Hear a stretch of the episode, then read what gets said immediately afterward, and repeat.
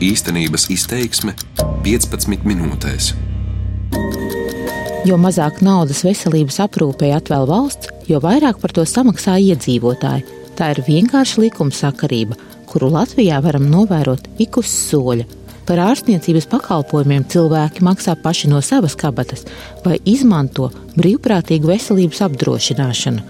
Tāpēc tagad, kad nolemts ieviest valsts obligāto veselības apdrošināšanu, rodas jautājums, vai tas nozīmē, ka varēsim atteikties no brīvprātīgās privātās veselības apdrošināšanas. Atbildi uz šo jautājumu šajā raidījumā īstenības izteiksme meklēšais Madara Friedrichsona. Visi operatori ir aizņemti. Lūdzu sagatavoties, lai nosauktu pacienta datus un pierakstītu pakalpojuma saņemšanas laiku.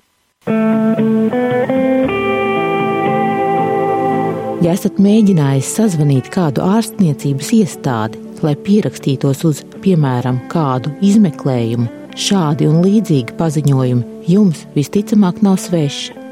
Nepietiekamais valsts budžeta finansējums veselības aprūpei ir padarījis to grūti pieejamu, un to var sajust pat brīžos, kad pacients vēl tikai mēģina pierakstīties pie ārsta.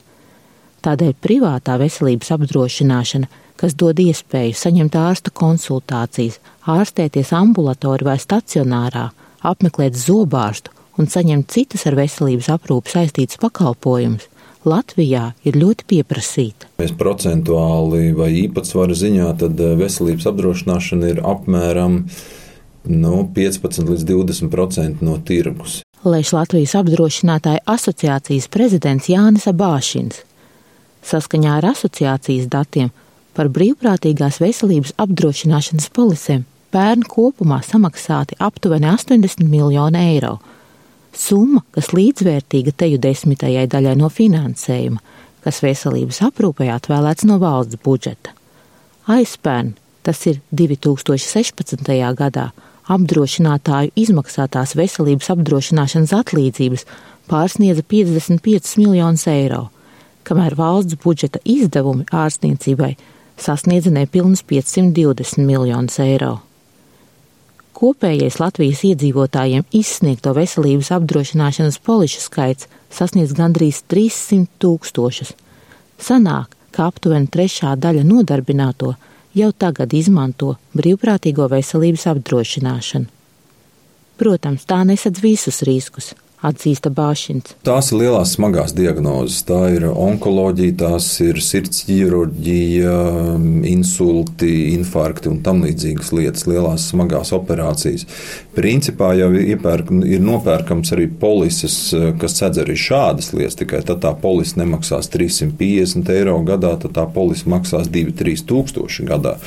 Vidējā polise, tā kā es teicu, 350, 400 eiro. Protams, ka tā polise sedz daudz ko, bet šīs nopietnās lietas neseks gan. Vairāk nekā 90% gadījumu veselības apdrošināšanas polises saviem darbiniekiem iegādājas darba devēji.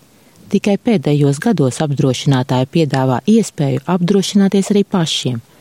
Taču tā nav iespēja, kuru var izmantot tad, kad jau zināms, ka pacientam nepieciešama, piemēram, operācija.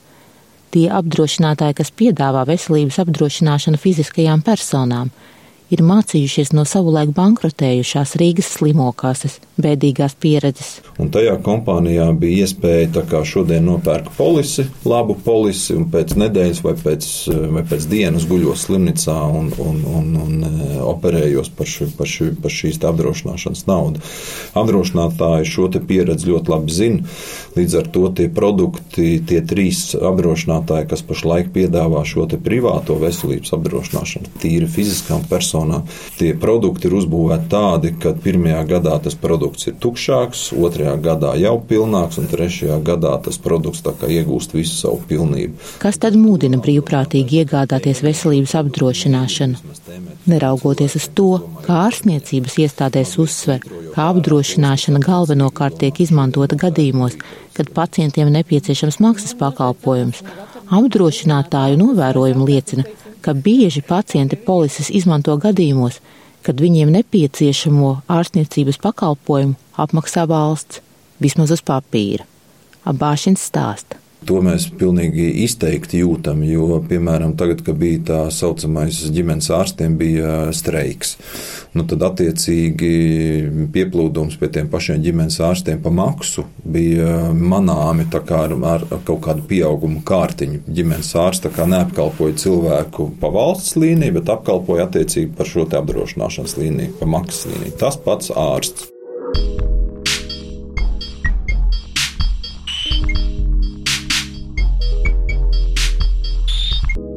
Latvijā lielākais ārstniecības pakalpojumu sniedzējs ir Rīgas Austrumu Kliniskā Universitātes slimnīca. Tās ieņēmumi no maksas pakalpojumu sniegšanas gadā sasniedz aptuveni 5 miljonus eiro, kas gan ir tikai 5 līdz 6% no slimnīcas kopējā apgrozījuma. Pieprasītākie ir dažādi diagnostikas pakalpojumi. Rīgas Austrumu Kliniskās Universitātes slimnīcas ambulatorās daļas vadītāja Baibiša Treinerte atzīst, ka tas, ka pacients pie ārsta, kas strādā universitātes slimnīcā, ierodas jau pēc izmeklējuma veikšanas, ir pat ļoti vēlams izmeklējumu var veikt jebkurā vietā, pie jebkura speciālista. Drīzāk ir tas, ka viņam ar šiem izmeklējumiem ir jāierodās uz šo konsultāciju, nevis atnākot uz konsultāciju bez ne. Jo tas drīzāk ir tāda tukša pieņemšana, jo ja ģimenes ārsts kaut vai iepriekš būtu jau daudz maz kaut ko veicis, ja, tad arī uzreiz vieglāk ir speciālistam pieņemt un, un, un arī ātrāk tiek gan pie ārstēšanas, gan pie diagnozes, gan pie vispārējiem. Spriežot pēc Latvijas apdrošinātāju asociācijas datiem, piemēram, 2015. gadā tikai 11,5% no kopējām veselības apdrošināšanas atlīdzībām izmaksātas pacientu iemaksās, ko šā vai tā būtu jāsadz pašiem pacientiem tikmēr aptuveni 65% no izmaksātajām veselības apdrošināšanas atlīdzībām izmaksāts par ambulatoriju vai stacionāri saņemtiem maksas pakalpojumiem, turklāt lielākajā daļā gadījumu par tādiem, ko teorētiski apmaksā valsts. Baibaša treniņš apliecina, ka tā mēdz notikt. Par to, cik bieži ticamu datu gan nav. Iemesli, kādēļ pacients izvēlas maksas pakalpojumu, varot būt dažādi.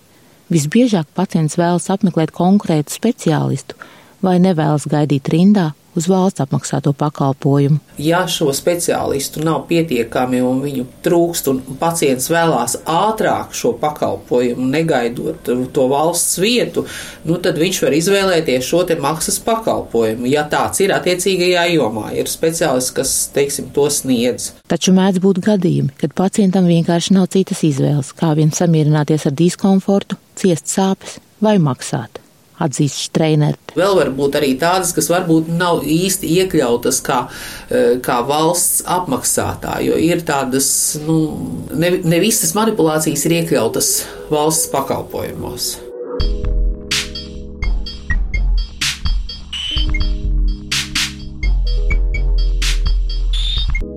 Varbūt tagad, kad saima pieņēmusi un valsts prezidents izsludinājis veselības aprūpas finansēšanas likumu, kas paredz valsts obligātās veselības apdrošināšanas ieviešanu, tai iezīmējot daļu no valsts sociālās apdrošināšanas iemaksām, viss mainīsies un pacientiem vairs nenāksies maksāt pašiem. Latvijas bankas eksperti, kas jau vairākus gadus mudināja ieviest valsts obligāto veselības apdrošināšanu, to apšauba. Tas ir pavisam tālu no obligātās apdrošināšanas, jo obligātā apdrošināšana faktiski paredz, ka visi valsts iedzīvotāji ir apdrošināti un visiem veselības aprūpas pakalpojumi ir pieejami. Turklāt apdrošināšanas gadījumā Tātad šīm apdrošināšanas kompānijām, vai tā būtu valsts apdrošināšanas kompānija, vai tās būtu privātās, tad šīm kompānijām ir motivācija ļoti rūpīgi sekot līdzi veselības aprūpas izdevumiem, lai nebūtu gadījumi, kad kādas kaitas tiek pierakstītas, kad tiek ārstētas ļoti dārgā un, teiksim, varbūt nevajadzīgi dārgā veidā. Skepsis iemeslus skaidro Latvijas Bankas monetārās politikas pārvaldes vadītājs Uldis Rūtkaste. Latvijas bankas piedāvātais valsts obligātās veselības apdrošināšanas modelis, kas viņa prāt varētu nodrošināt pakalpojumu pieejamību, nav guvis par nozari atbildīgās veselības ministrijas un līdz ar to arī visas valdības atbalstu. Šis modelis balstījies uz pavisam citiem principiem. Mūsu galvenā ideja bija, ka faktiski noteikti obligāto veselības apdrošināšanu valstī. Tas nozīmē, ka visiem Latvijas iedzīvotājiem būtu veselības apdrošināšanas polises, tad, par kurām teiksim, pretī būtu noteikts pakalpojumu grozs. Turklāt daļa iedzīvotāji, kas teiksim, ir maksātspējīgi iegādāties šīs polises paši, daļai to ir nu, šīs polises nopirkt valsts, būtu veselības apdrošināšanas sabiedrība, kas tad, tad, kontrolētu šo naudas plūsmu un sadalītu, faktiski nu, slēgt līgumus ar, ar pakalpojumu sniedzējiem un nodrošināt šos pakalpojumus. Tā, tā būtu diezgan liela sistēmas, esošās sistēmas pārveide un acīm redzot tas process arī nu, tas prasītu laiku, tas droši vien nebūtu pāris mēnešu laikā ieviešams. Diskusijas, kas noritēja pērnā gada nogalē, apspriežot veselības aprūpas finansēšanas likumu, arī neradot pārliecību, ka jaunā finansēšanas modeļa ieviešana patiešām veicinās pakalpojumu pieejamību. Manuprāt, ja tas lielā mērā aiziet tikai algu palielinājumā, tad skaidrs, ka tur arī teiksim, nu, tā veselības pakalpojuma aprūpe un, un, un, un kvalitāte uzreiz neuzlabosies. Jā. Ja mēs palielinām tikai algas, tad skaidrs, ka nu, veselības aprūpas pakalpojumu pieejamība var arī nepieaugt. Obligāta un brīvprātīga veselības apdrošināšana paralēli pastāv daudz viet, taču valstīs, kur ar obligātās apdrošināšanas sistēmas ieviešanu nodrošināts atbilstošs finansējums veselības aprūpei, brīvprātīgā veselības apdrošināšana kalpo pavisam citiem mērķiem, saka Latvijas bankas eksperts. Daudzās valstīs šī sistēma sadzīvo tīri labi, kad ir valsts noteikts pakalpojumu grozs, kas tad ir šis minimālais pakalpojumu grozs. Un, un, un tas, ir, tas iekļaujas zem obligātās veselības apdrošināšanas, bet, ja kāds uzskata, ka viņam vajag vēl papildus pakalpojumus, nu, piemēram, labākus apstākļus tur slimnīcu palātā, to var jebkurš piepirkt klāt kā privātu apdrošināšanu. Valsts obligātās veselības apdrošināšanas ieviešanai nekādi nevajadzētu ietekmēt brīvprātīgo veselības apdrošināšanu. Uzsver par veselības aprūpes finansēšanas likumu atbildīgā veselības ministrijas amatpersona Anita Jurševica. Šis likums katrā ziņā to nekādā veidā nemaina vai neierobežo vai neaizliedz. Pēc viņas teiktā, pagājušā gada pēdējā darba dienā izsludinātā veselības aprūpes finansēšanas likuma un arī jaunās finansēšanas sistēmas ieviešanas mērķis nekādā gadījumā nav regulēt attiecības starp valsts un privāto finansējumu veselības aprūpes sistēmā. Primārais mērķis ir noteikt veselības aprūpas finansēšanas avotus, noteikt, ka veselības aprūpas finansējums no valsts puses 2020. gadā sasniegs šos 4% no IKP, kā arī noteikt, ka arī pati persona gan jūs, gan es, gan, gan pārējie Latvijā esošie, ka, ka viņi arī piedalās šajā valsts sistēmā, ka viņi maksās no saviem nodokļiem, ka viņi piedalās un ka viņiem ir tiesības saņemt šos pakāpumus. Turklāt, ņemot vērā, ka budžeta ieņēmumi, kas sagaidāmi no veselības aprūpei iezīmētajām valsts sociālās apdrošināšanas iemaksām, veidos vien aptuveni desmito daļu no kopējā budžeta finansējuma nozarei, tā vēl ar vienu būs atkarīga no valsts budžeta dotācijas apmēra. Tieši tas noteiks gan to, cik pieejami būs valsts apmaksātie veselības aprūpas pakalpojumi, gan to, vai valsts apmaksāto pakalpojumu gross tiks paplašināts, tajā iekļaujot pakalpojumus, par ko tagad pacienti maksā paši. Saraksts, kas noteiks valsts apmaksāto veselības aprūpas pakalpojumu minimumu, vēl tikai top. To plānots sagatavot līdz šā gada septembrim pamatā paliek esošais, tas, kas ir šis esošais veselības aprūpas pakalpojumu apjoms un saraksts. Gros nav nemainīgs, tieši tāpēc viņš tiek, nu, pakalpojumu tas apjoms tiek noteikts mīnus gabinetu noteikumos tieši dēļ tā, ka skatoties no tā, kādas ir valstī iespējas. Acīm redzot, domāt, ka valsts obligātās veselības apdrošināšanas ieviešana atbrīvos no nepieciešamības pēc brīvprātīgas veselības apdrošināšanas, ir stipri pāragri. Tas nozīmē, ka arī turpmāk daudzi, jo daudz iedzīvotāji par veselības aprūpas pakalpojumiem maksās divkārt, gan maksājot valsts sociālās apdrošināšanas obligātās iemaksas, gan pērkot veselības apdrošināšanas polises, lai nepieciešamības gadījumā šo pakalpojumu varētu izmantot, negaidot ilgās rindās. Raidījumu veidoja Madara Friedrichsone.